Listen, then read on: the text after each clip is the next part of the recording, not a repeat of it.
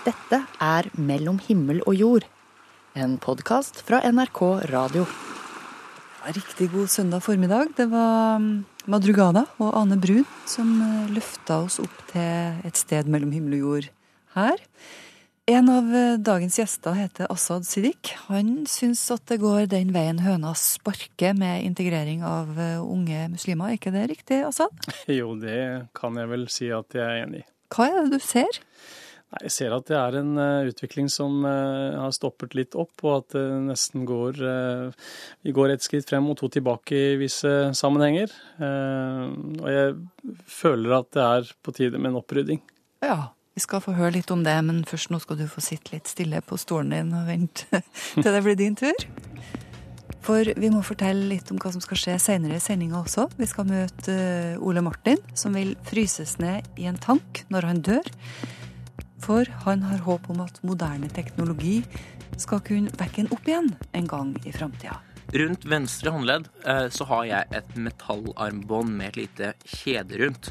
Eh, og her står det 'In case I die'. Så står det 'Call now for instructions'. Det er fordi jeg har lyst til å leve videre. Jeg syns livet er fantastisk. Jeg vil gjerne hatt mer av det. Dette hører du mer om i Mellom himmel og jord. Ja, Asaad Siddiq, nå er din tur. Endelig. Ja, Asaad Siddiq, du kjenner han kanskje som Harshad Kapoor i Hotell Cæsar. Herre, du må jo låse Jeg hadde låst! Eller som Mustafa i Kampen for tilværelsen. Eller som han økonomifyren Geir i Mammon. Jeg håper du skjønner hvor heldig du har vært. Assad er altså skuespiller. Han er godt gift med Hege, som han møtte for eh, ja, to-tre tiår siden. Det der kunne gått så mye verre.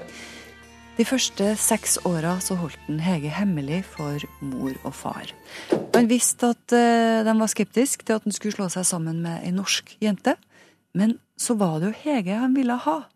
Og en dag så måtte han bestemme seg for å si det. Det ble ikke godt mottatt den gangen. Eh, Jeg var 17 og hun var 15 da vi først ble sammen. Oi! Eh, Det var på et tidspunkt i livet hvor jeg egentlig ikke hadde tenkt så veldig langt eh, hva angår kjærlighet og ekteskap. Eh, Så det var jo rett og slett bare en sånn ungdomsflørt og forelskelse, og så, så var det jo den tiden i livet mitt hvor det var gøy å utforske ting og, og prøve forskjellige ting. Eh, og hadde egentlig aldri tenkt, tenkt at det skulle bli noe langvarig. Men så viste det seg etter hvert at dette kanskje kunne være kvinnen i mitt liv. Eh, Når skjønte du at dette her blir vanskelig? Det lå jo kortene hele veien, for det var jo ganske tidlig uttalt hjemme at de ønsket at jeg skulle finne en pakistansk eller muslimsk dame. Eh, og grunnen til det var jo ikke at de eh, hadde noe imot nordmenn eller andre etnisiteter, men de hadde sett så innmari mange tilfeller av f.eks. pakistanske menn som gifte seg med norske damer, eh, hvor det gikk greit i noen år, og så fikk man barn, og så begynte problemene fordi at da kom kulturforskjellene til syne. eh, Spesielt med tanke på barneoppdragelse og sånne ting. Og så endte det da med at man skilte seg, og, og barna ble kasteball frem og tilbake. Så det var vel det de eh, syntes var eh, mest utfordrende med å gjøre noe annet enn å gifte seg med pakistansk dame. Så det var liksom ganske tydelig innprenta i min oppvekst da, at eh, litt sånn like barn leker best-tanke. Ja. Det er jo gjenkjennelig for de fleste av oss. Mm. Det kan jo bli litt skjelven hvis en ser at barnet blir sammen med en person fra en helt annen kultur. Jeg Ja. tenker at det her blir trøbbel. Mm. Når, eh, når fortalte du hjem at du hadde en norsk kjæreste? Det tok noen år, altså. Det var eh, For det første så hadde vi jo en del opphold i forholdet vårt også, for det var jo I starten så var det jo ikke så seriøst, eh, men så av en eller annen grunn så føltes det på en måte riktig å komme tilbake igjen hver gang. Eh, Og på et eller annet tidspunkt så, så skjønte jeg jo at det kunne bli eh, vanskelig for meg å, å, å gjøre det foreldrene mine ønsket. For jeg, hadde av en eller annen grunn veldig tiltrekning til norske jenter. Og jeg bare følte veldig på at jeg ville ta det valget selv. Jeg, jeg hadde sett en del tilfeller av folk som ble giftet bort, og eh, og som på en måte gikk med på forskjellige ordninger som ikke nødvendigvis ble så veldig lykkelig, da. Mm. Så ble det på et eller annet tidspunkt i hvert fall veldig tydelig for meg at jeg ikke kunne gifte meg med en pakistansk dame bare fordi at de ønsket det. Eh, Og jeg prøvde vel å hinte om dette her underveis. Jeg Hadde noen samtaler hvor man eh, på et generelt grunnlag snakket om forskjellige ting og verdier, bare for å høre hva de tenkte og sånn, og, og fikk egentlig ja, ganske klart svar tilbake hver gang på at det eh, Ja, men det går aldri bra. Eh, og, at, ja, og, et sånt viktig poeng for foreldrene mine var at når man velger en kjæreste eller et eh, forhold i en eh, såpass ung alder, så er det veldig seksuelt betinget. Man har en litt sånn fysisk tiltrekning som på en måte legger grunnlaget for veldig mye av forholdet. Mens etter hvert som man blir eldre, så forstår man at det er andre ting som er viktigere.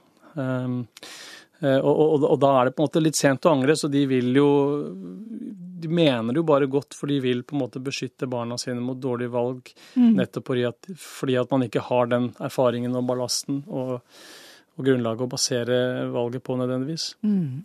Men en dag så, så bestemte du deg, var det sånn? Nå skal jeg si det. Ja, for da hadde det gått enda noen år, og så skjønte jeg jo etter hvert at det egentlig bare var henne jeg hadde lyst til å, å dele livet mitt med. Og frem til da så hadde jeg vært veldig lydhør for det meste foreldrene mine ønsket. Jeg ville aldri stå imot dem på noe som var viktig for dem, men akkurat der så kjente jeg at hvis jeg går med på å gjøre noe annet enn dette her nå, så vil jeg angre resten av livet mitt, for det er, det er bare sånn jeg er skapt. Jeg er nødt til å lytte til hjertet mitt og, og ta det ansvaret for mitt eget liv selv, da. Jeg tok den samtalen med moren min og, og forklarte henne hva jeg hadde tenkt, eh, og at jeg ønsket hennes velsignelse. Eh, og, og husker også at hun, hun ble veldig skuffet og, og en blanding av lei seg og sint, eh, og følte at eh, kanskje jeg sviktet henne litt, da. Hvordan virka det på deg, den reaksjonen? Det var, det var veldig vondt. Det var veldig vanskelig å, å, å stå i det, samtidig som jeg også kjente at jeg, jeg kommer ikke til å få det bra, og jeg kommer ikke til å ha et, eh, et ryddig forhold til henne hvis ikke jeg kan stå opp for disse tingene som faktisk betyr noe for meg. For frem til da så hadde jeg jo levd eh, i en løgn. Jeg hadde jo, jeg hadde jo på en måte vært sammen med henne i syv-åtte år og ikke fortalte. Og hver gang jeg var eh, borte og overnattet hos henne, så, så måtte jeg late som jeg var hos kompiser og i det hele tatt. Og det er en ganske lang periode å gå rundt og, og holde ting skjult for foreldrene sine, og samtidig da leve et helt annet liv der ute, da. Så det, det På et sett så var det noe av det beste som skjedde også. Det var at det, at katta kom ut av sekken, da. Det var egentlig veldig forløsende på et vis, samtidig som det var veldig vondt at de ikke ville velsigne det. Det er mange år. Det er lang tid. Det er ganske lang tid, ja. Ganske tålmodig, da, begge to. Ja, og all ære til henne som eh, holdt ut. Eh, men sånn retrospektivt så ser jeg at det, det gjorde jo noe veldig bra for oss også. Eh, vi ble for det første nødt til å takle en del utfordringer veldig tidlig, som veldig mange andre slipper. Eh, og ikke minst det at vi hadde denne eh, motforestillingen mot eh, forholdet vårt, gjorde at vi ble tvunget til å gå mye grundigere til verks i forhold til beslutningen om å gifte oss. Det, det kostet oss mer, og vi ble nødt til å reflektere mye mer over omstendighetene rundt det. Noe som kanskje gjorde oss sterkere og mer avklart i forhold til det valget som vi ønsket å ta. På et eller annet tidspunkt så har kona di, Hege, eh, blitt presentert for eh, familien din. Mm. Hvordan skjedde det? Nei, det skjedde ved at jeg inviterte henne hjem, sånn at foreldrene mine kunne få snakket med henne og eh, egentlig få en følelse av hvem hun var, og, og, og, og hvordan vi på en måte tenkte dette her, da. Eh, så det første møtet sånn offisielt eh, var vel da hjemme hos oss at Hege satt og snakket i stuen med foreldrene mine mens jeg var på rommet, eller et eller annet. Eh, så husker jeg at faren min hadde en veldig lang samtale med henne hvor han fortalte litt om hvilke forventninger de hadde, altså hvordan, hvordan, man tenkte som muslim, og hva som var viktig i et ekteskap osv. Jeg husker at de var veldig varsomme og veldig, veldig hyggelige i tilnærmingen sin, men, men det var veldig viktig for dem bare for å få få forsikre seg om at man hadde noenlunde de samme tankene om eh, hva et ekteskap innebar. Da. Og, og for foreldrene mine så handlet det først og fremst om at det er en forpliktelse som skal vare livet ut. Mm. At det er, det er, ikke en lek. Man skal virkelig stå i det og vite hva det innebærer, og at det vil være gode og onde dager osv. Det var, var, nok et litt sånt sjokk for Hege i det hele tatt å sitte der og, og ta den praten med dem. For hun eh, hun uh, har hatt en oppvekst som er veldig fri, da. Det var ganske direkte, da? Ja. Første møte var nok ganske, ganske skummelt. Eller litt sånn skrekkblandet fryd, for hun hadde jo også sett frem til det, ikke sant. Alle disse årene her hvor hun på en måte bare hadde vært skjult. Mm. Endelig var det åpent. Endelig var det åpent, ja. ja. Hvor lenge er det siden nå? Altså, hvor lenge er det siden dere ble sammen, da, for å si det sånn? Nå begynner det å bli ja, 23 år siden. 24. Ja. Du mener jo nå, Asaad Siddik, at uh, du ser at utviklinga går i feil retning. At neste generasjon, som du trodde skulle ta det her et steg videre, mm. at de har rykka tilbake? Da jeg vokste opp, så, så, opplevde jeg at jeg var litt annerledes. Jeg opplevde at det var en kløft mellom meg og storsamfunnet, men som likevel var overkommelig. Og så har jeg på en måte alltid tenkt at den generasjonen som kommer etter oss, den vil løse alle flokene. Da vil alt være ordnet opp i.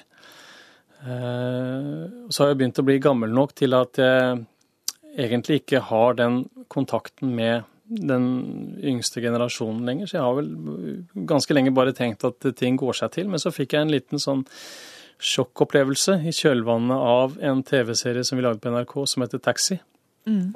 Da ble vi invitert, jeg og hovedrolleinnehaver Adil Khan ble invitert til en skole i Oslo eh, med en ganske stor andel flerkulturelle ungdommer.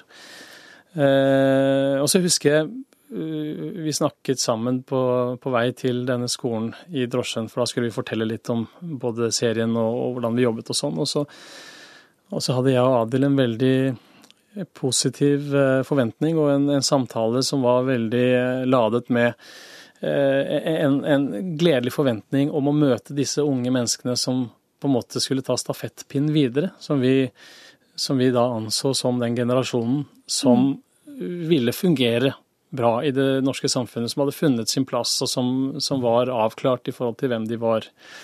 Men da vi kom frem, så fikk vi likevel eh, virkelig bakoversveis, fordi at veldig mange av disse unge menneskene hadde, hadde skjegg, og de hadde hijab, og de hadde eh, en del veldig andre holdninger enn det vi hadde forventet, og var rett og slett veldig reaksjonære. Mm.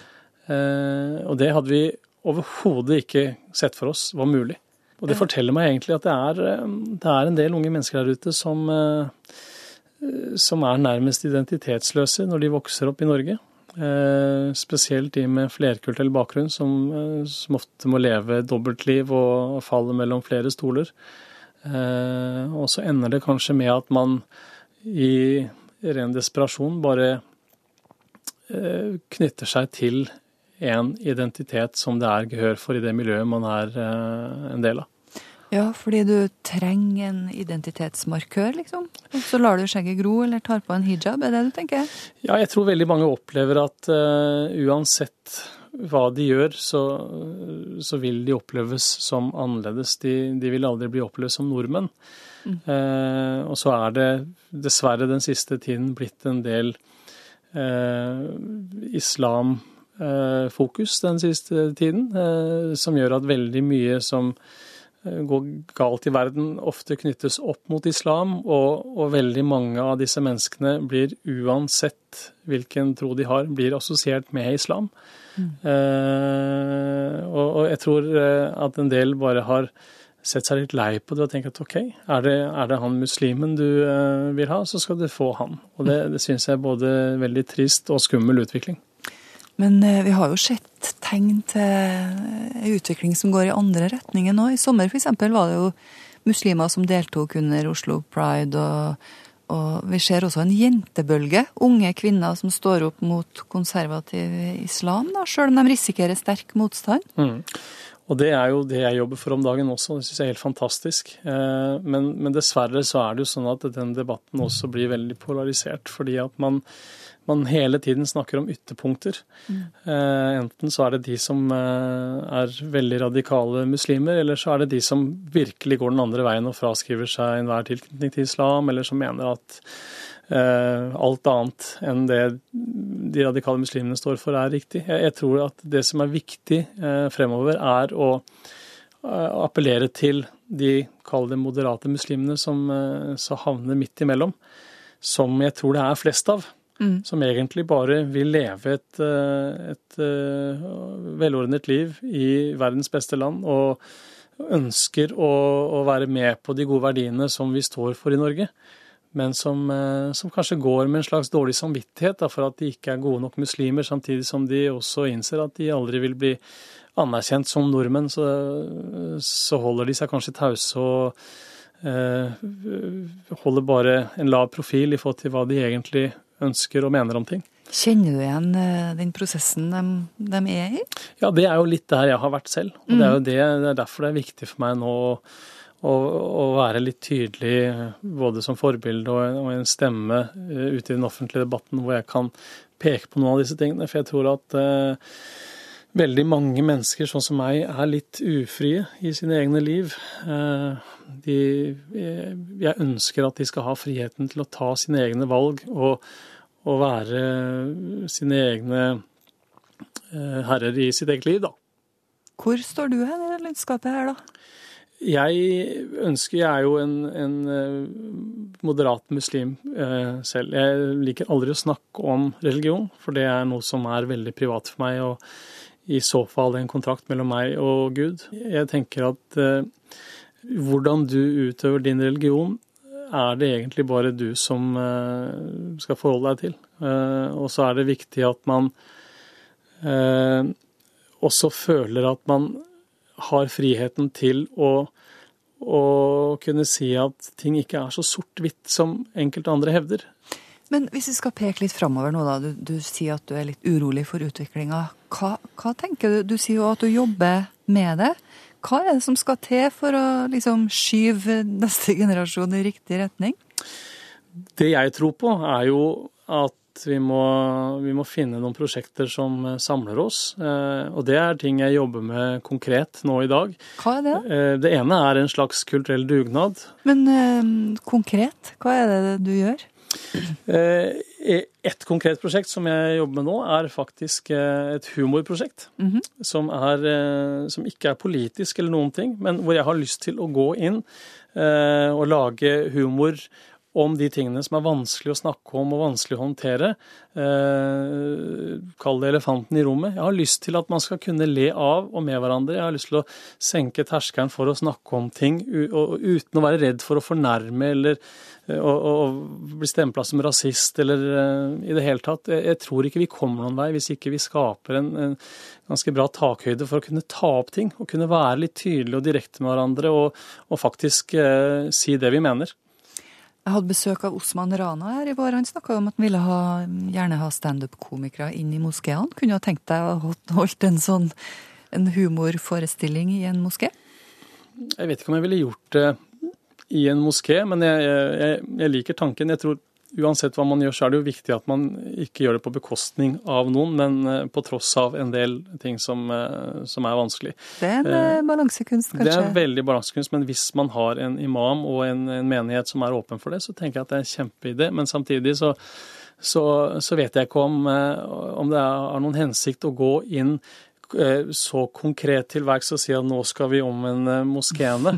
Jeg tror at dette må være et litt sånn universelt prosjekt som, som handler om oss alle sammen. Mm. Uavhengig om vi er i moskeen eller om vi sitter på puben, liksom. Så, så er det ikke nødvendigvis det religiøse budskapet her som, eh, som er viktig, men at man eh, kan snakke sammen og kan snakke om hverandre på en måte som, eh, som har en konstruktiv eh, vinkling. At man eh, rett og slett tør å si de tingene man mener, og, og, og at man også har friheten til å kunne være uenig uten at det skal være en ekskluderende faktor. Så er det morsomt å tulle med det som er vanskelig, da. Ja, det er jo Effektivt. kjempeeffektivt, og jeg tenker at det også gjør det litt lettere å, å, å enes om en del ting. Og så kan man, man kan ha et skråblikk på ting og en satirisk vinkling som gjør at man møter seg selv litt i døra. Og så, og så er det litt sånn at har du først ledd sammen med noen, så er det vanskelig å hate dem. Asaad Siddiq, du er opptatt av å være åpen og ærlig, og du har til og med sagt at eh, du nesten føler det som et kall. Hva, hva koster det her? Ja, det får jo tiden vise, men det, det koster meg ganske mye uh, uansett. For jeg er en i utgangspunktet veldig privat person som uh, liker å holde på med mitt og ikke stikke nesa mi opp i så mye andre ting. Men jeg ser nå at uh, for veldig mange av oss som har levd med en en flerkulturell virkelighet i mange år og fått til de tingene i våre liv som vi ønsker, så, så er det nesten en plikt eh, å, stå opp og, og, og, vise at det faktisk går an. At man, at man eh, ikke nødvendigvis må velge side. Det er litt viktig for meg at man, eh, at man, eh, skal være tro mot sine idealer og sine verdier, men at man ikke trenger å se sort-hvitt på ting. Da. Jeg har jo masse kjærlighet for, eh, for ting i den pakistanske kulturen, eh, også i religionen, eh, som jeg har lyst til å ta inn i mitt liv, men samtidig så er det masse ting som jeg ikke syns noe om. Og de må jeg også ha en frihet og en rett til å kunne fraskrive meg. Jeg ønsker ikke å assosieres med Eh, en del av den ukulturen, og jeg ønsker å være en god ambassadør for de, masse av de gode norske holdningene og verdiene som vi har i dette samfunnet her. Og for meg så handler det ikke om verken kultur, eller etnisitet eller religion. Det handler om hvilke verdier vi er enige om, rett og slett. Også. Hm. Hvordan har dere det nå i storfamilien? Nå har vi det veldig fint, eh, og det er jo Eh, også noe som jeg tenker er viktig å, å snakke åpent om. fordi at eh, sånn som jeg har opplevd det, så kommer det veldig mye godt ut av å være ærlig og stå opp for seg sjøl. Selv om det er vanskelig? Eh, selv om det er vanskelig. Fordi at de fleste foreldre vil jo barna sine godt. De mm. vil jo at barna skal ha det bra. Og veldig ofte så tror jeg det handler om at man ikke tror at barna er i stand til å ta gode nok valg for seg sjøl. Men er du, er du avklart i forhold til de valgene du tar, og, og, gjør du de tingene du gjør for en mening, så tror jeg at foreldrene dine vil se at det var det rette valget for deg allikevel. Jeg jeg tror det er bare viktig at man eh, altså Det er én ting å trosse sine foreldre og, og, og miljøen eller hva det skulle være, bare på trass, men hvis man faktisk eh, genuint mener at det er et riktig valg å ta i sitt liv, så så vil det på et eller annet tidspunkt vise seg at det var det. Så jeg tror man skal ha den selvtilliten. Altså. Jeg tror man skal stole på sine instinkter og sine indre reseptorer, holdt jeg på å si. Det kan jo være en beskjed til alle? Det tror jeg. Mm. skal vi si at det var den siste beskjeden du fikk gi, da? I dag? Ja, jeg kan uh, leve godt på det. Ja. Mm. ok. Tusen takk for at du kom, Asad Siddiq. Takk det samme. Det er NRK P1 radioen din står innstilt på, og her skal vi se om vi kan få et gløtt inn i framtida. Etter hvert som datamaskiner kan bli mindre og mindre, så kan de bli mer og mer usynlige. Og vi kan leve i en verden som er veldig vakker, kanskje som i en, i en skog, men der vi likevel klarer å, å si, gjøre omgivelsene våre og oss selv, slik at vi er lykkelige og har det bra og kan være gode, produktive mennesker. Sånn snakker en transhumanist. Eller sånn snakker én transhumanist. Og en transhumanist det er en som er overbevist om at den teknologiske utviklinga nå går så fort at vi kan vente oss enorme endringer i hva det vil si å være menneske. Og en transhumanist mener at det er bra. Trans betyr jo å transcendere. Altså å overskride. Eh, Så tanken her er jo å overskride de tingene som per i dag er begrensningene for hva det vil si å være et menneske. Så tanken er altså at det er ikke sikkert at vi alltid skal være mennesker i den forstand vi tenker på det nå. Kanskje vi skal prøve å bli noe mer og noe bedre. Og Det høres jo veldig science fiction ut, men igjen ser vi bakover i historien, da, så er jo vi allerede en på å si, transape. Eh, Vi har jo transcendert enormt i forhold til det å være på et apestadie. Teknologi kan være et veldig viktig verktøy, ikke bare for å endre småting i omgivelsene rundt oss, men også for å endre oss selv. Ole Martin Moen er postdoktor i filosofi ved Universitetet i Oslo, og altså transhumanist.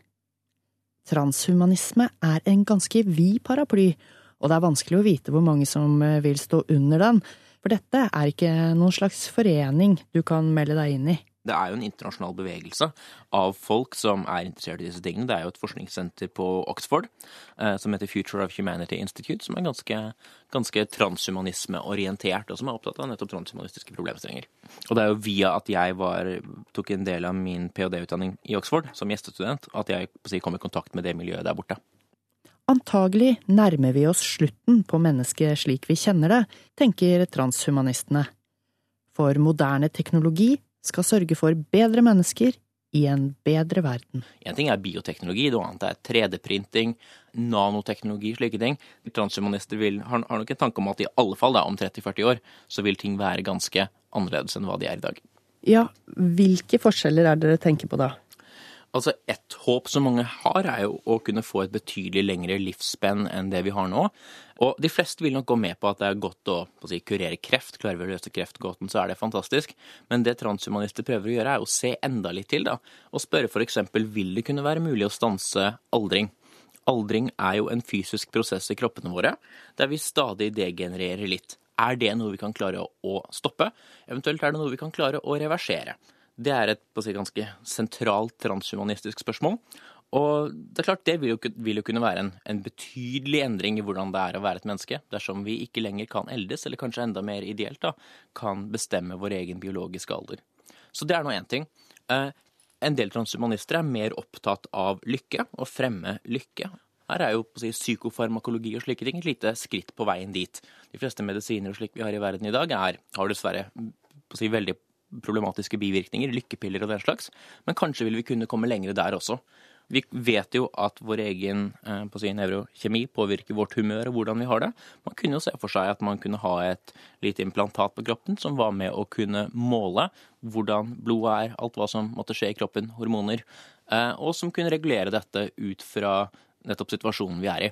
Og det er klart, Vi regulerer vårt eget følelsesliv også. altså Når det er en trussel som oppstår, så begynner hjerterytmen vår å eh, hjertet å slå fortere. Vi har et adrenalinkick osv. Som er nettopp en at vi kalibrerer oss følelsesmessig, opplevelsesmessig, kroppslig, for de ulike situasjonene. Hva om vi kunne klare å ta hånd om det og styre det i større grad selv, slik at vi kan styre humøret vårt i retning av om det måtte være å sove, om det måtte være å arbeide, å trene, sosialisere osv. Kanskje kunne klare å kalibrere nettopp vår egen bevissthet i mye større grad. Du er ikke redd for å bli en maskin? Altså, Nå er jeg jo en maskin allerede, da. Eh, jeg er nå en bevisst maskin, men jeg er nå en, en, maskin i en eller annen forstand. Eh, men jeg tror ikke jeg, jeg er ikke noe spesielt redd for at hvis man tenker at jeg skal bli en robot, eller jeg skal bli noe som er ubevisst, det tror jeg sannsynligheten er ganske liten for. Og vi ser jo allerede at vi bruker pacemakere, vi, som er, jo kan være inni oss. Vi kan ha ulike implantater, vi har teknologi overalt rundt oss. Og det er klart, Man må alltid være forsiktig eh, når man si, tukle med et system som vi ikke helt forstår, som menneskekroppen jo er. Men jeg tror sannsynligheten for at vi blir bare datamaskiner uten bevissthet, uten følelser, den er nok ganske liten. Men hva blir igjen av det menneskelige? Det kommer veldig an på hva vi mener med det menneskelige, da. I én forstand så kan jo det menneskelige bety å ha en menneskelig kropp, altså ha to ben og to armer og to øyne osv. Eh, det er kanskje heldig, kanskje uheldig. Jeg tror ikke det er noe verdt å bevare det for sin egen del. Jeg tror ikke det er noe spesielt ved menneskelig DNA som er verdt å ha for sin egen del heller. Eh, det er klart det er ting som er verdt å eh, ta vare på, som det vi kaller medmenneskelighet, snillhet, rasjonalitet, som vi jo mennesker har i ganske betydelig grad, som man kan ønske å ha mer av. Og det er også ting man kanskje ønsker å ha mindre av, som aggresjon, sjalusi osv. Eh, dette er jo også en av kjernene i transhumanismen. At det er ikke det å bevare det menneskelige som sådan som nødvendigvis skal gjøres. Det er å fremme de tingene som er gode, som gir oss gode liv. Og det er noen menneskelige trekk, og noen, noen trekk som, ved mennesker som vi kanskje ikke har lyst til å, lyst til å bevare. Men det er jo eh, andre tenkere, da, som eh, er skeptiske til hele transhumanismen. Ser på det som farlige ideer. Og blant annet innvender at, at når man endrer mennesket, da, eh, som dere har lyst til, så gjør man det uten å ha kunnskapen om konsekvensene av endringene. Det er riktig at vi ikke har de fulle eh, si, kunnskapen om konsekvensene av handlingene våre. Noe av det, transhumanister håper gjennom å kunne si, gjøre hjernene våre, altså datamaskiner, bedre, er nettopp å kunne kartlegge ulike på å si, utfallene av, av, ulike handlingsvalg i mye mye større grad enn vi klarer i dag. Så vi må ikke bare spørre oss ok, hva er det som kan skje dersom vi handler, vi må også spørre oss hva er det som kan skje dersom vi ikke handler. Det er mye jeg er redd for. Biologisk krigføring er jeg veldig redd for. Eh, jeg er redd for hva terrorisme slik kan bli med våpen som man kan ha tilgang til om 10-20-30-40 år. Eh, det er veldig mye problematisk som ligger foran oss, men jeg tenker det er ikke noe transhumanister trenger å benekte. Og egentlig tenker jeg det er ofte transhumanister som tenker mest på disse tingene også. Så jeg tror eh, det transhumanister er opptatt av, er ikke at er ikke ved å si at all teknologi er bra. Åpenbart er ikke all teknologi bra, men at det er et potensial her til at ting vil kunne være kjempebra, og at det potensialet er noe vi har grunn til å kjempe for og prøve å styre historien i retning av. Men hvem skal definere hva som er bedre? Ja, hvem er det som definerer det i dag, da? Hvem tenker at det er bedre å kurere en sykdom enn ikke å gjøre det? Jeg tenker at, at det er ikke så interessant å spørre seg å si, hvem er det som skal ta avgjørelsen. Det er mer interessant å spørre hvilken avgjørelse er det vi faktisk bør ta. Da må vi se på grunnene for og imot å ta disse avgjørelsene, og så må vi resonnere om dem.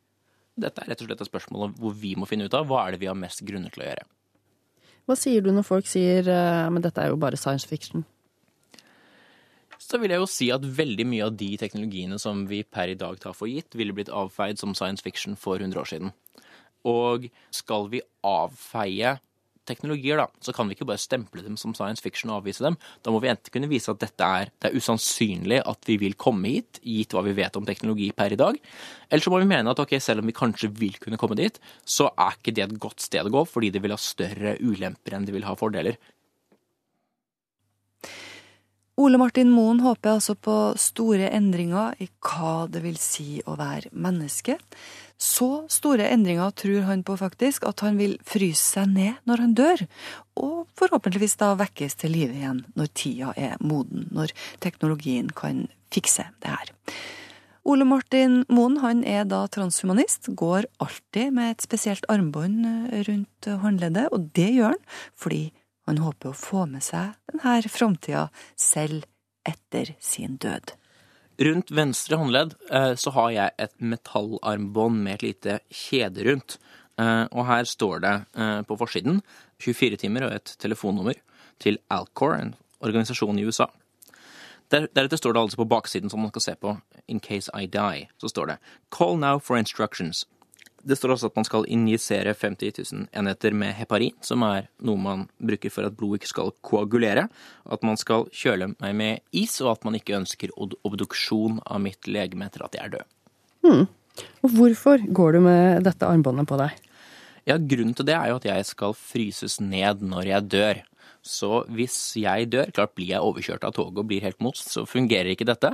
Men hvis jeg blir utsatt for en litt mindre alvorlig ulykke, eller vet jeg kommer til å dø innen kort tid, eh, så vil jeg flys til USA. Og jeg vil der gjennomgå en prosedyre som går ut på at mye av vann i kroppen min blir byttet ut med en form for frostvæske, slik at vi ikke får iskrystaller. Og så vil jeg fryses ned til minus 190 grader og ligge på en tank der i et håp, et lite håp om at fremtidig teknologi kanskje vil kunne få meg tilbake. Hvem er det som skal vekke deg igjen? Det må jo være hvem enn som lever, da, når enn disse teknologiene måtte ha kommet. Og dette kalles jo altså cryonics, eller kryonikk, da. Hvorfor eh, vil du dette? Det er fordi jeg har lyst til å leve videre. Jeg syns livet er fantastisk. Jeg vil gjerne ha hatt mer av det. Eh, Jeg vil gjerne eh, gjøre mye flott inn i fremtiden, oppleve fremtiden. Jeg vil gjerne stå på ski med tippoldebarna mine. Eh, Det er mye det hadde vært fint å gjøre. Og gitt den medisinske utviklingen da, som vi har hatt bare de siste 150 årene, så er det ikke totalt umulig at vi i løpet av de neste 150 årene vil kunne komme dit.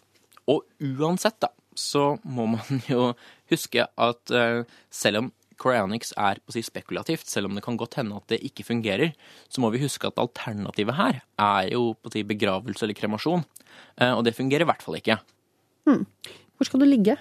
Jeg skal ligge på en, eh, en tank i eh, Arizona. En nitrogentank, som en termos omtrent. Eh, det er vel plass til fire stykker i en slik tank. Så der kommer jeg til å ligge. Jeg kommer faktisk til å ligge opp ned i denne tanken. Eh, det er slik at i tilfelle det blir en lekkasje, og man får et lavere og lavere nitrogennivå i tanken, så er det bedre at bena ødelegges, ødelegges først, snarere enn at hodet gjør det. Ja. hvor mange ligger der allerede?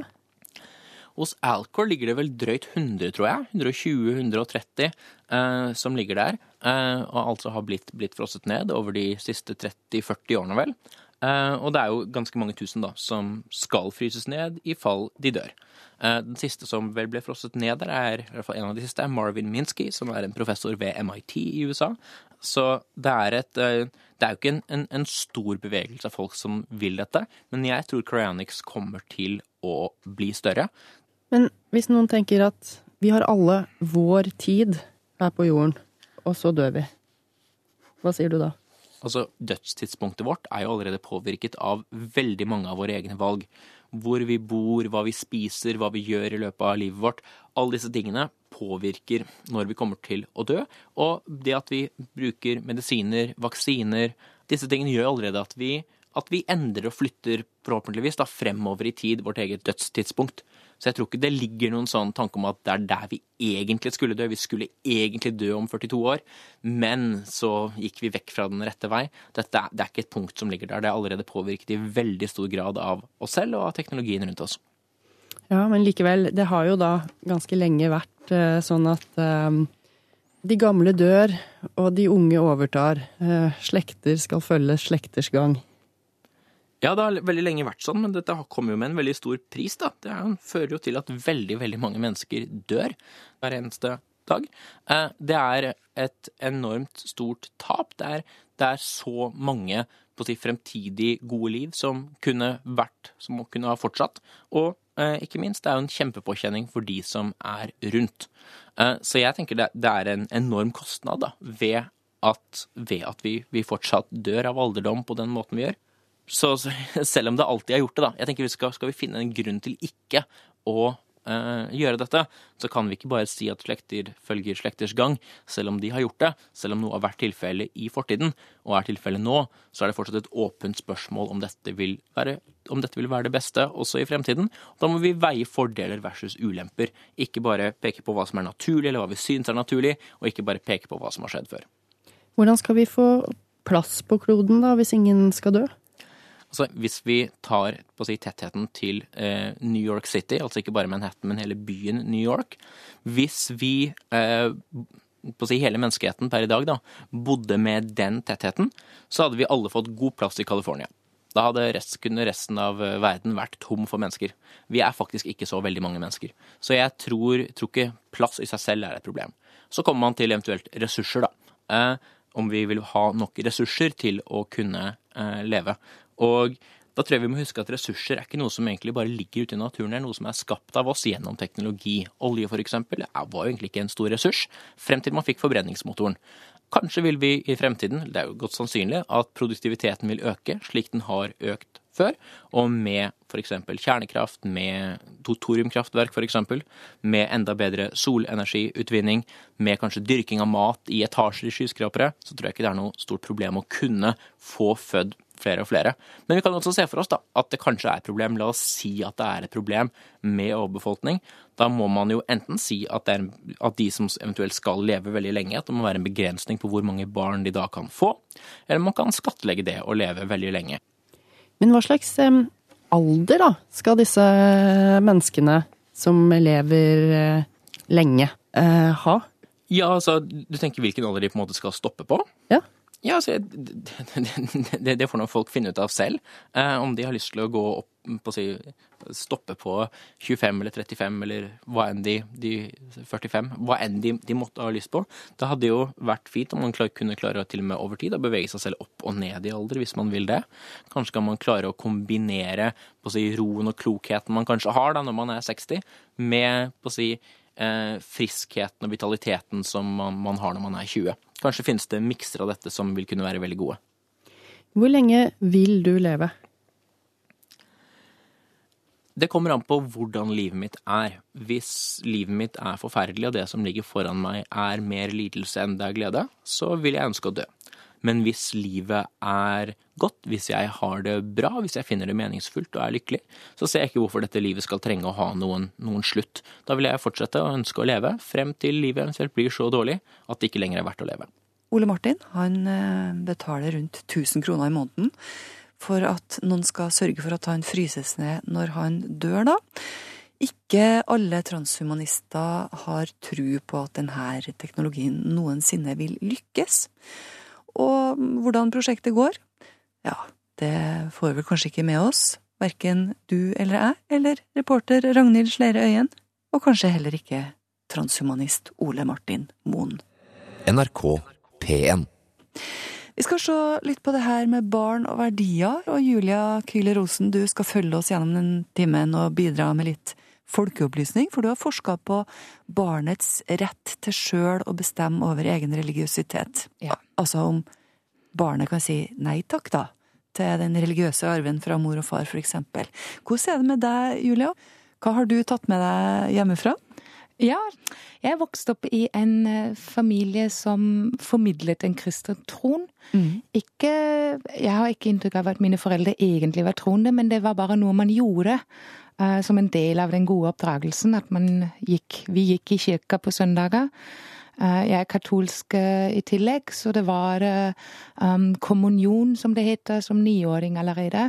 Ja. Hvor jeg skulle bekrefte at jeg troende, og det gjorde jeg jo som niåring. Um, Hadde du noen tanker rundt det da? Ja, eh, jeg bare gledet meg over å kunne få lov å gå i en hvit lang kjole. som alle har på da. Den hvite bruden til Jesu brud. Ja. Um, så jeg hadde ingen tanker, må jeg si da. Jeg fukte, jeg syns jo det å gå hver søndag i kirken var, må jeg innrømme, kjedelig. Uh, men uh, for meg var det nok rundt ungdomstiden at jeg stilte spørsmålstegn ved hvorfor jeg måtte være med, og nektet å være med i kirken. Og skjønte egentlig også at mine foreldre syntes ikke det var noe særlig gøy å gå i kirken.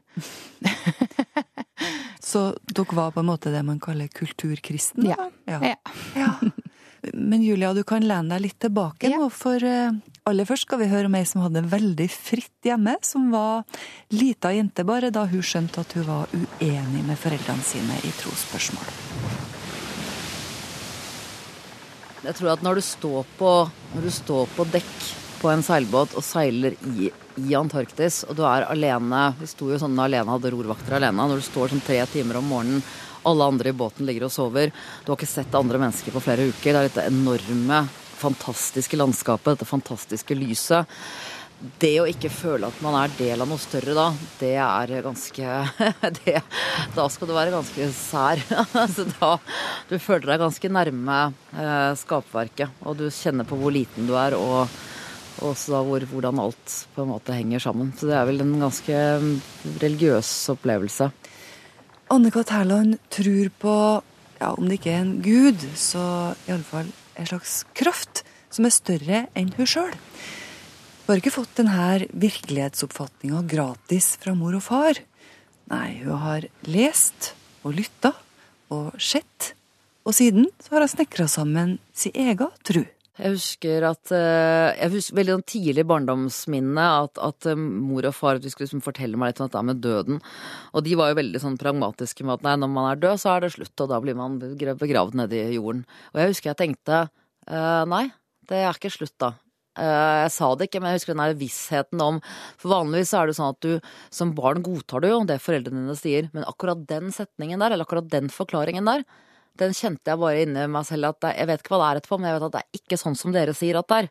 Men altså, Du hadde en slags forestilling om at det var noe større da, og du tenkte at det var Gud, på en måte? Jeg tenker at jeg vet ikke hva Gud er, men at, men at det er en kraft større enn oss, at det er noe større bak dette her enn enn mennesker. Det er jeg Eller en, en Ja.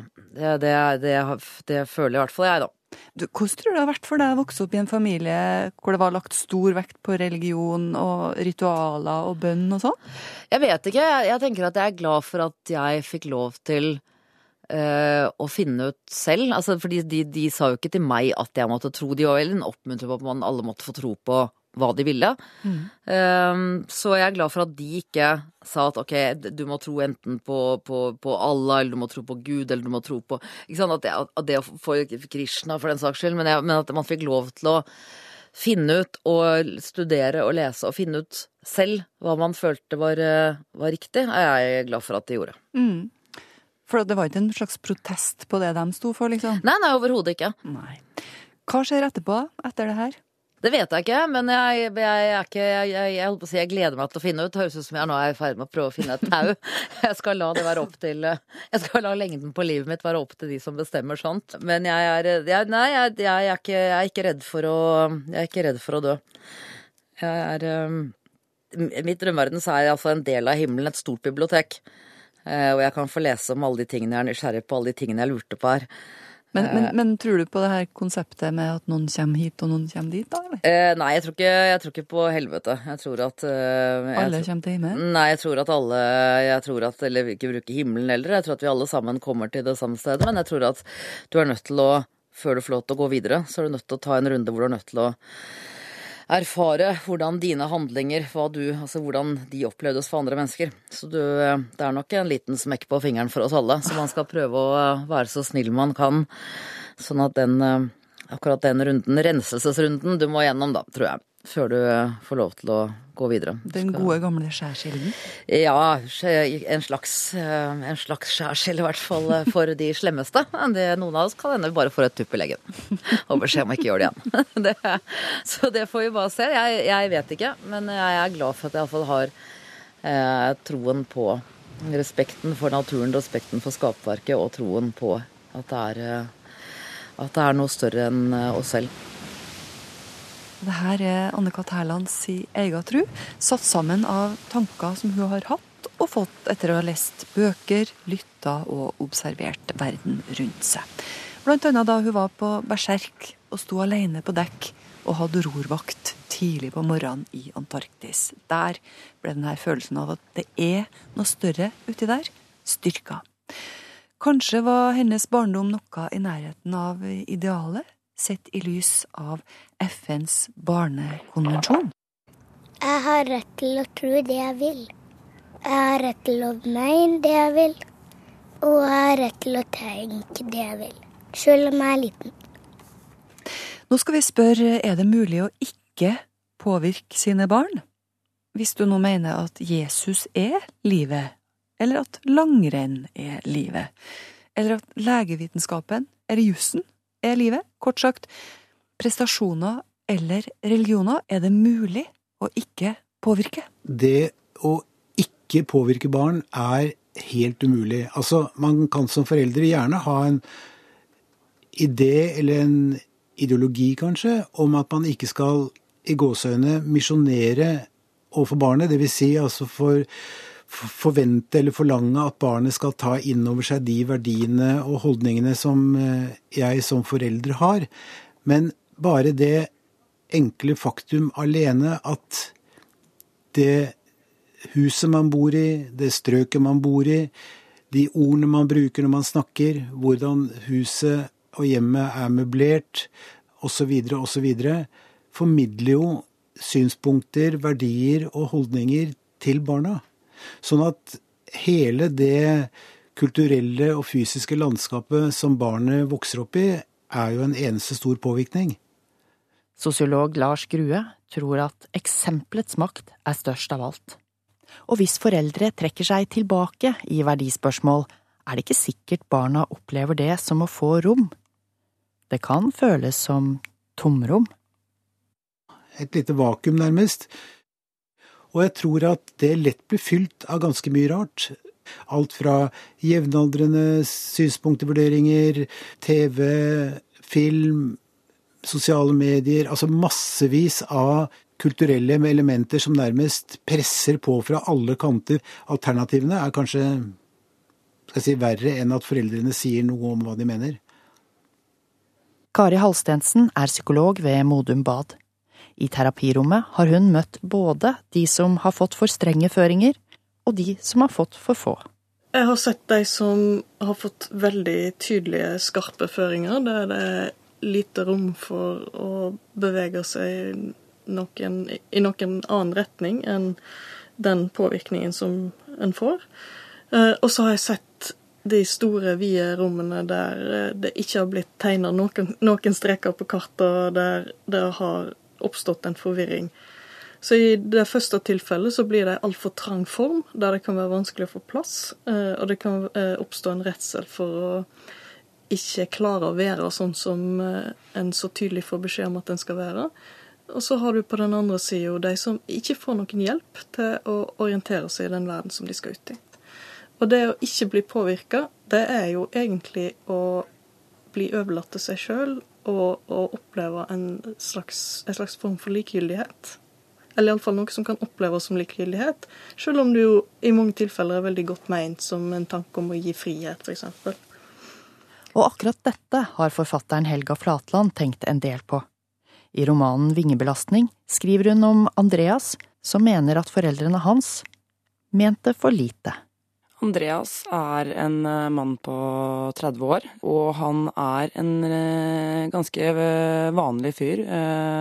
Har hatt en vanlig oppvekst med litt sånn I en familie som består av mine og dine barn, foreldre som har møtt hverandre i ganske voksen alder. Eh, og han eh, ender opp med å være en fyr som er ganske misfornøyd med livet, til tross for at alt har ligget til rette for at han skal få det ganske bra. Så han er en ganske typisk eh, representant for vår generasjon, altså vi som er rundt 30 nå, da. Han har jo så mange valg å ta stilling til i livet, føler han selv, at han skulle ønske han hadde litt mer påvirkning fra foreldrene sine. Og han føler seg jo oversett, og, og, at de er mest opptatt av hverandre og ikke så mye opptatt av ham. Og det tror jeg til en viss grad også stemmer. For det er klart at vi Det jeg har forsøkt å skildre i boken, er jo ikke foreldre som, som eh, Andreas mener som har sviktet ham, at, de, at han lider under omsorgssvikt. På ingen måte.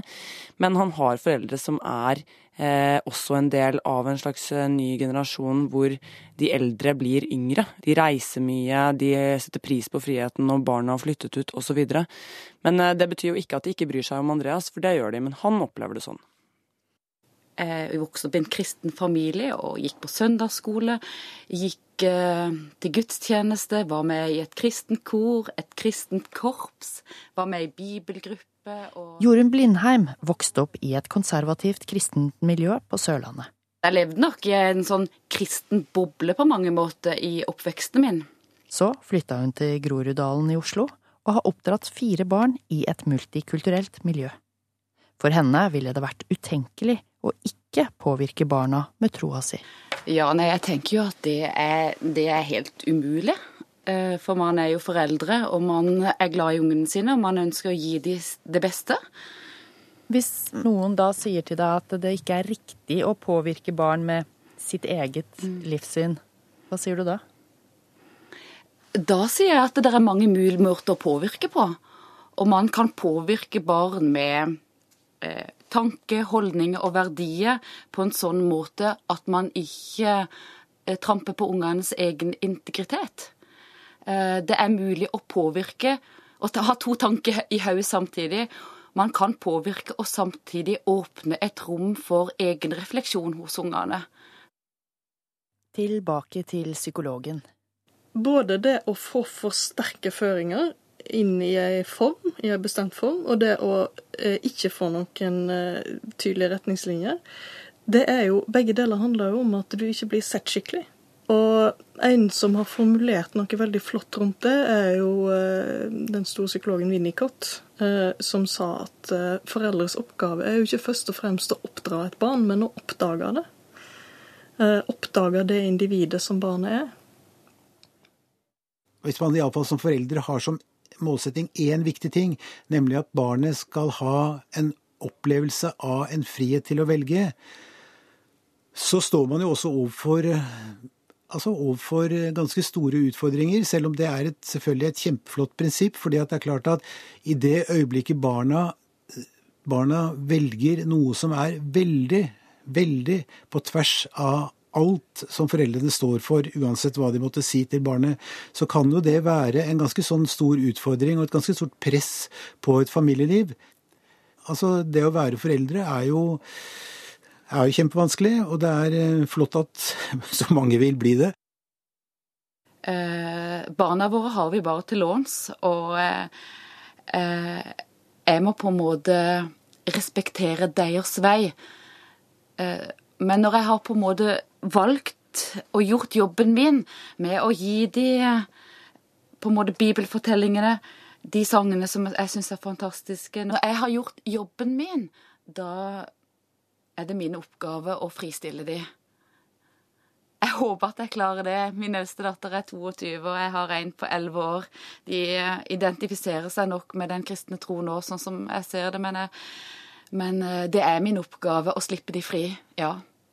Det må jeg klare. Reporter her var Ragnhild Sleire Øyen. Du hører Mellom himmel og jord i NRK P1. Vi snakker jo om barn og tru her nå, eller hvordan vi påvirker ungene våre. Det er mange av oss som er innmeldt i et eller annet trossamfunn ved fødselen. Og det er mange av oss som blir stående fordi vi ikke reflekterer over det, eller at vi ikke vet at vi står der engang. Det er som en skrivefeil i navnet mitt, sier 27 år gamle Tobias Andersen om at han har vært medlem i Den norske kirke uten å noen gang ha ønska det. De siste ti årene så har han prøvd å melde seg ut, men eh, han er faktisk litt usikker på om han fortsatt er registrert som medlem. Det jeg skal gjøre nå, det er å gå inn på kirken sin eh, nettside for å sjekke om du er medlem. Og det er inne på kirka.no. Og så sjekker vi om du er medlem. Så går vi med bank-ID. Hvorfor skal du sjekke om du er medlem? Jeg har eh, prøvd å melde meg ut flere ganger uten at det har hjulpet. Så jeg sjekker vel en gang i året. Jeg stoler ikke helt på at registeret til kirka holdes oppdatert, så jeg skal ta så gå inn og sjekke nå. Tobias Andersen er inne på nettstedet kirken.no, hvor du både kan sjekke om du er medlem, og melde deg ut av Den norske kirke nå over 25 000 jord bare i august, da det ble mulig å melde seg ut elektronisk. Det blir som en skrivefeil i navnet mitt. Det må jo korrigeres. Det er ikke noe med det. Det er en byråkratisk endring. Skal vi se Jeg har ikke lyst til å være meldt inn i en religion som jeg ikke har valgt å være medlem av. For Tobias ble automatisk medlem i Den norske kirke da han ble født. I kirkeloven står det nemlig at barn anses for å høre inn under Den norske kirke fra fødselen, så fremt en av foreldrene er medlem. Men Tobias syns ikke kirka skal få medlemmer på denne måten. Og det er jo heller ikke riktig at et barn skal bli meldt inn i en religion før de vet hva religion er. Burde det være aldersgrense på medlemskap? Jeg mener kanskje det. Altså når religion kan ha så mye å si for livet ditt, og, hvordan du tar avgjørelser osv. Så, videre. så mener jeg at det burde læres, som jeg lærte det i barneskolen. Jeg lærte jo om flere religioner, forskjellen på dem osv., historien til dem. Jeg lærte ikke én religion, og jeg lærte ikke at den religionen var fakta, for å si det sånn. Altså. Tobias Andersen mener man er gammel nok til å ta et valg om man vil være medlem i Den norske kirke eller ei, når man er 16 år, og at man da kan melde seg inn i stedet for å melde seg ut, sånn som han selv prøvde på da han var 16. Nå er han spent på om han fortsatt er utmeldt eller ei. Uh, Bekreft telefonnummer. Ikke medlem. Kult. Men det er bra. Så um, da er jeg ikke medlem fortsatt. Hva føler du nå, da, når du har fått bekrefta at du ikke er medlem? Mm. det er jo litt uh, ja, bittersweet, kanskje fordi at jeg prøvde å melde meg ut så mange ganger. Det føles egentlig bare som at jeg har prøvd å sende ut et skjema til staten og måtte gjøre det flere ganger før det gikk gjennom. Hvis jeg fortsatt hadde vært medlem i min ID og ikke blitt meldt ut, så har jeg ikke på en måte gjort så veldig mye for livet mitt. Um, men det er bare en prinsippsak å være meldt ut. Sant? Det sier 27 år gamle Tobias Andersen til reporter Lise Sørensen. Ja, Julia, vi hørte om en, eh, en ung mann før musikken her, som, som sjøl om han aldri har bedt om å bli medlem i Den norske kirke, har stått der i 27 år. Hva syns du om en kirkelov som, ja, som dirigerer babyer inn i kirka, da, uten noe aktiv deltakelse? Du, det er noe av det mest um, oppsiktsvekkende, syns jeg. Jeg fant ut når jeg begynte å interessere meg for barns rett til tros- og livssynsfrihet, det var at uh, den norske kirkeloven og også lov om trossamfunn, begge disse to lovene inneholder regler som sier det, at når for eksempel begge foreldre eller en av foreldrene er medlem i Den norske kirken, så tilhører barnet automatisk også til Den norske kirken. Og, og tilsvarende gjelder hvis eh, begge foreldre er medlem i et annet trossamfunn, så tilhører barnet umiddelbart også dette trossamfunnet. Men du sier at det var oppsiktsvekkende. Ja, ja jeg syns det var oppsiktsvekkende, for det var en sånn automatikk i det. Betyr det at du syns at vi skal ha andre ja, regler? Jeg, jeg, så for meg at medlemskap er eh, hva skal jeg si, et rituale som trossamfunnet velger. Mm. At man ikke er født per se eh, inn i et trossamfunn eller en norsk kirke. Altså at foreldre i alle fall må ta et standpunkt utover det å føde deg, mm. uh, om hvorvidt de ønsker å ha deg med i trossamfunnet eller ikke. Fordi altså jeg jo, kommer jo fra, da fra Tyskland, men er gift med en norsk mann uh, som er medlem av Den norske kirken. Mm. Og da hvor barn automatisk er medlem fordi en av foreldrene er tilhører altså Den norske kirken. Og det, nei, men det har vi jo ikke tenkt på eller valgt. Så, så, der er det nok kanskje et sånt foreldresyn, ikke sant. At jeg vil jo selv velge. Så kan jeg jo velge da å, å melde våre barn ut. Ikke sant? Men denne automatikken Du har egentlig ikke sagt ja, du er bundet av en slags avtale uten at du har bevisst tatt stilling til denne avtalen.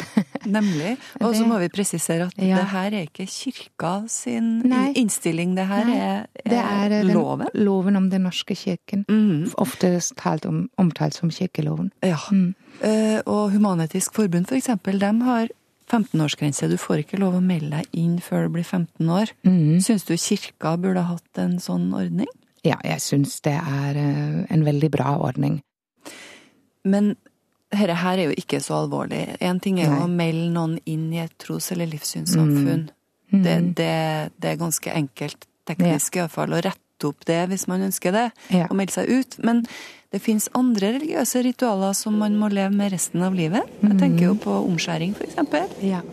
With a small needle and syringe, a short-term anesthetic is injected into the skin at the base of the penis. Og hvis du ikke vet hva det her går ut på, så kan du gå inn på YouTube og se hvordan det gjøres, hvis du tør. Jeg klarte ikke å se på så lenge, for å si det rett ut. There we go. This is a plastibell, and this is uh, what I'll place on uh, the area and uh, cut the foreskin off around it. It'll be tied on. You'll see that later. Det som skjer her, er at en lege og en assistent binder fast en baby til operasjonsbordet, sånn at eh, han ikke skal veive med armer og bein under inngrepet. Og så setter legen ei sprøyte på sida av testiklene til denne nye verdensborgeren, ei på hver side. Dette er bedøvelse, da. Og så stikker han instrumentene sine under forhuden til gutten Legen presiserer her at gutten har ikke vondt. Han skriker fordi han ikke får bevega armer og bein. Han har fått bedøvelse. Så begynner han å fjerne forhuden. Og her må jeg stoppe videoen, altså, for det her blir for sterkt. Og nå lurer jeg på hvis du ser på menneskerettighetene og lovverket, Julia, hvor er vi når vi som samfunn tillater omskjæring av bitte små guttebarn? Er vi innafor eller utafor ja. retningslinjene? Um, vi har to rettigheter her, to friheter. Vi har foreldrenes rett til å opplære barn eller oppdra barn i sin egen tro mm. eller livssyn. Og så har vi barnets rett til tros- og livssynsfrihet, og også barnets rett til en god helse. Mm. Det er da rettigheter hvor man, når det gjelder gutteomskjæring, kan lure på om de står mot hverandre. Eh, foreldrene vil formidle sin tro via å omskjære guttebarnet, og, og syns også det er en viktig del av sin tro. Det vet jeg i samtaler med muslimer og jøder, at det er en, en sentral, et sentralt ritual. Men, men, går det an å kalle omskjæring for formidling? Ja, altså Ja. Ja, altså det, det er den um, Formidle sin tro, oppdra barnet i sin egen tro, er også ordlyden. Altså er, er det som er brukt. Ikke mm, sant? Og da mm. oppdra i sin egen tro, så hører også de religiøse ritualer med. Mm. Og så har man da barnets rett til tros- og livssynsfrihet. Og, og, spørsmålet er jo om eh, en type ritualer som merker deg for livet, at du er en del av denne troen, um, om det kan sies å gå for langt, gripe for langt inn i barns rett til tros- og livssynsfrihet. Mm. Og det andre er om det å omskjære et guttebarn, om det går for langt inn i barns rett til en god helse. Mm. Er det gode nok grunner til å begrense foreldrenes um, rett og frihet til å oppdra barn i sin egen tro? Men Julia, du er jo doktor i rettsvitenskap og har ja. forska akkurat på det her. Hva, har du et svar? du har sikkert kommet fram til et svar sjøl? Um, jeg har kommet fram til et svar til gode nok legitime grunner til å begrense foreldrefriheten, fordi jeg ser at det fins mindre inngripende ritualer som kan sikre at foreldrene kan oppdra ikke sant? Mm. barn i sitt eget tro. Ja, Så rett og slett, det her bør vi slutte med? Ja, men ikke via forbud, syns jeg da. Nei, du syns vi skal snakke sammen? Ja. Jeg begynte, når jeg begynte å forske på det, så tenkte jeg forbud. ja, Så du har blitt litt uh, mildere ja, etter hvert? Ja. Mm. Det å samtale med mennesker som tror, mm. og som genuint, altså noe som jeg nok aldri kan forstå, um, har lært meg at det er uh, så sterkt Altså, jeg snakker også ut fra mine verdier. Mm. Ikke sant? Når jeg sier jo, det er adgang til å begrense foreldrenes frihet her, så er, kommer det jo fra mine verdistandpunkter. Det er vanskelig å fjerne seg fra dem, ja, sjøl om du er forsker? Å, jeg har prøvd å være så objektivt som mulig, men jeg havner alltid tilbake til mine egne verdier. ja, det er altså sånn at uh, Julia Køhler-Olsen er med oss i dag og greier ut om hvordan vi som samfunn forholder oss til barn og trosspørsmål. Men nå er det jo sånn at det er ikke bare trua som blir overført fra foreldre til barn. Vi påvirker jo ungene våre på mange vis. Og nå skal vi ta deg med ned til Trondheim sentrum, hvor vi prøver å få folk til å tenke på hva de har fått med seg hjemmefra av påvirkning. Min familie så er vi oppvokst med veldig mye mat og drikke og sånne ting. Så derfor har jeg gått videre og studerer nå mat, bl.a. mat og drikke. Så det, der har vi fått veldig mye. Hadde du gått den veien der hvis ikke du hadde hatt en familie som hadde vært interessert i det? Det tror jeg ikke. Mm. Jeg tror faktisk ikke det.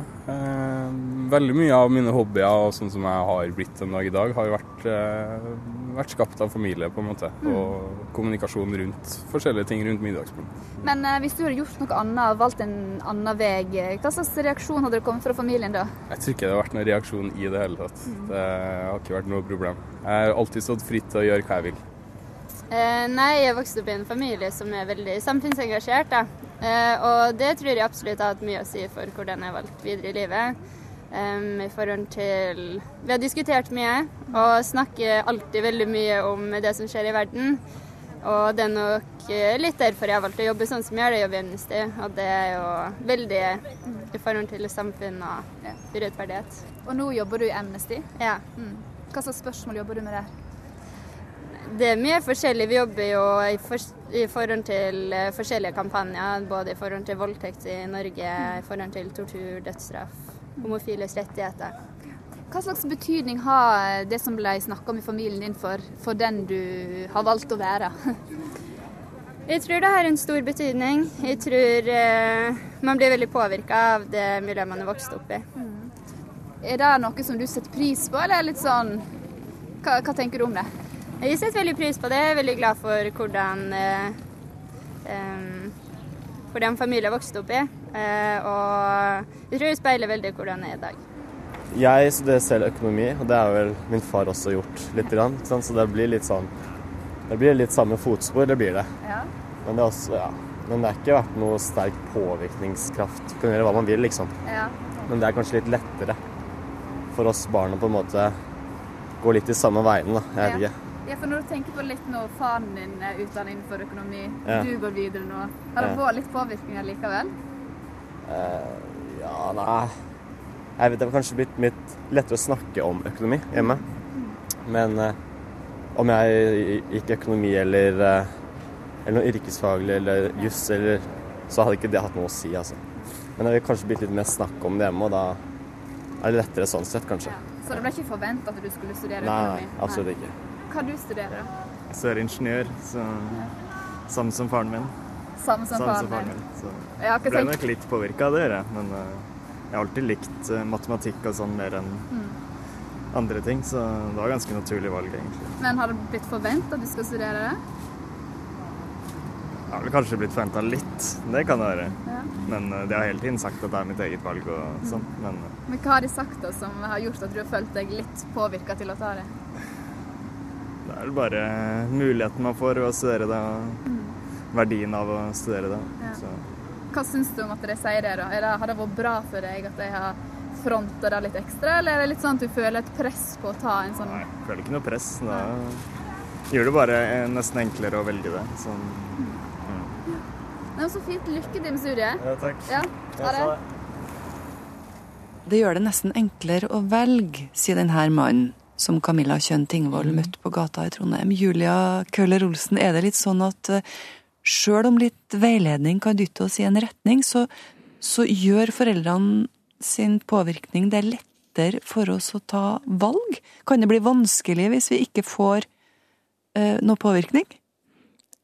Ja, det kan jeg tenke meg. Um, personlig fortelling er at uh, i og med at mannen min og jeg ikke er troende eller utøver noe tro, altså nesten ikke har tatt noe standpunkt, så spør jo min eldste datter, som er ti år, ja, men mamma, hva syns vi da? Hun leter etter veldig tror vi på Gud, og hvorfor tror vi ikke på Gud, eller hva med Allah? Og, eh, og Hva er jo- familiens holdning? Ja, ja, hva er familiens holdning? Og, og da møter jeg den Altså det du snakker om, at, at det kan være vanskelig å ta noe valg når du egentlig ikke får noe en, et, et klart utgangspunkt. Som du enten kan si så ja til eller nei til. Akkurat. Altså det å være helt åpen, det er tydeligvis ikke så lett å forholde seg til. Interessant. Det er mye mellom himmel og jord, som kjent, og enda mer er det i podkastversjonen av denne sendinga. Blant annet så får du et lengre intervju med Asaad Siddiq, som også holdt kjæresten hemmelig for foreldrene sine i mange år, før han slapp bomben og sa til mor at det var norske Hege han ville ha, og ikke ei pakistansk kvinne. nrk.no podkast. Vi hører gjerne fra deg. Spark på leggen, dult i sida, klapp på skuldra, hva som helst. Her har du e-postadressen vår. Himmel og jord. Krøllalfa. NRK.no. Vi har hørt om eh, barns rettigheter når det kommer til tru i denne timen her. Takk til Julia Køhler Olsen ved Høgskolen i Oslo og Akershus, som har snakka om hva lovverket sier om den slags. Julia har sagt at eh, loven dirigerer barn inn i ulike trossamfunn idet de blir født, fordi de har foreldre som står der. Og vi har hørt Julia si at det her med omskjæring av guttebarn, det må vi slutte med. Og vi har hørt at det kan være vanskelig med foreldre som ikke forteller ungene hva de sjøl tror på også. Margrethe Nåvik heter jeg. På vei ut så tar vi med oss ordene til Erlend, fire og et halvt år. Han oppsummerer det hele sånn som FNs barnekonvensjon gjør det. Jeg har rett til å tro det jeg vil, tenke det jeg vil, og mene det jeg vil, selv om jeg er liten. Ha en riktig god søndag. Husk å spørre meg hva jeg tror på. Hør flere podkaster på nrk.no podkast.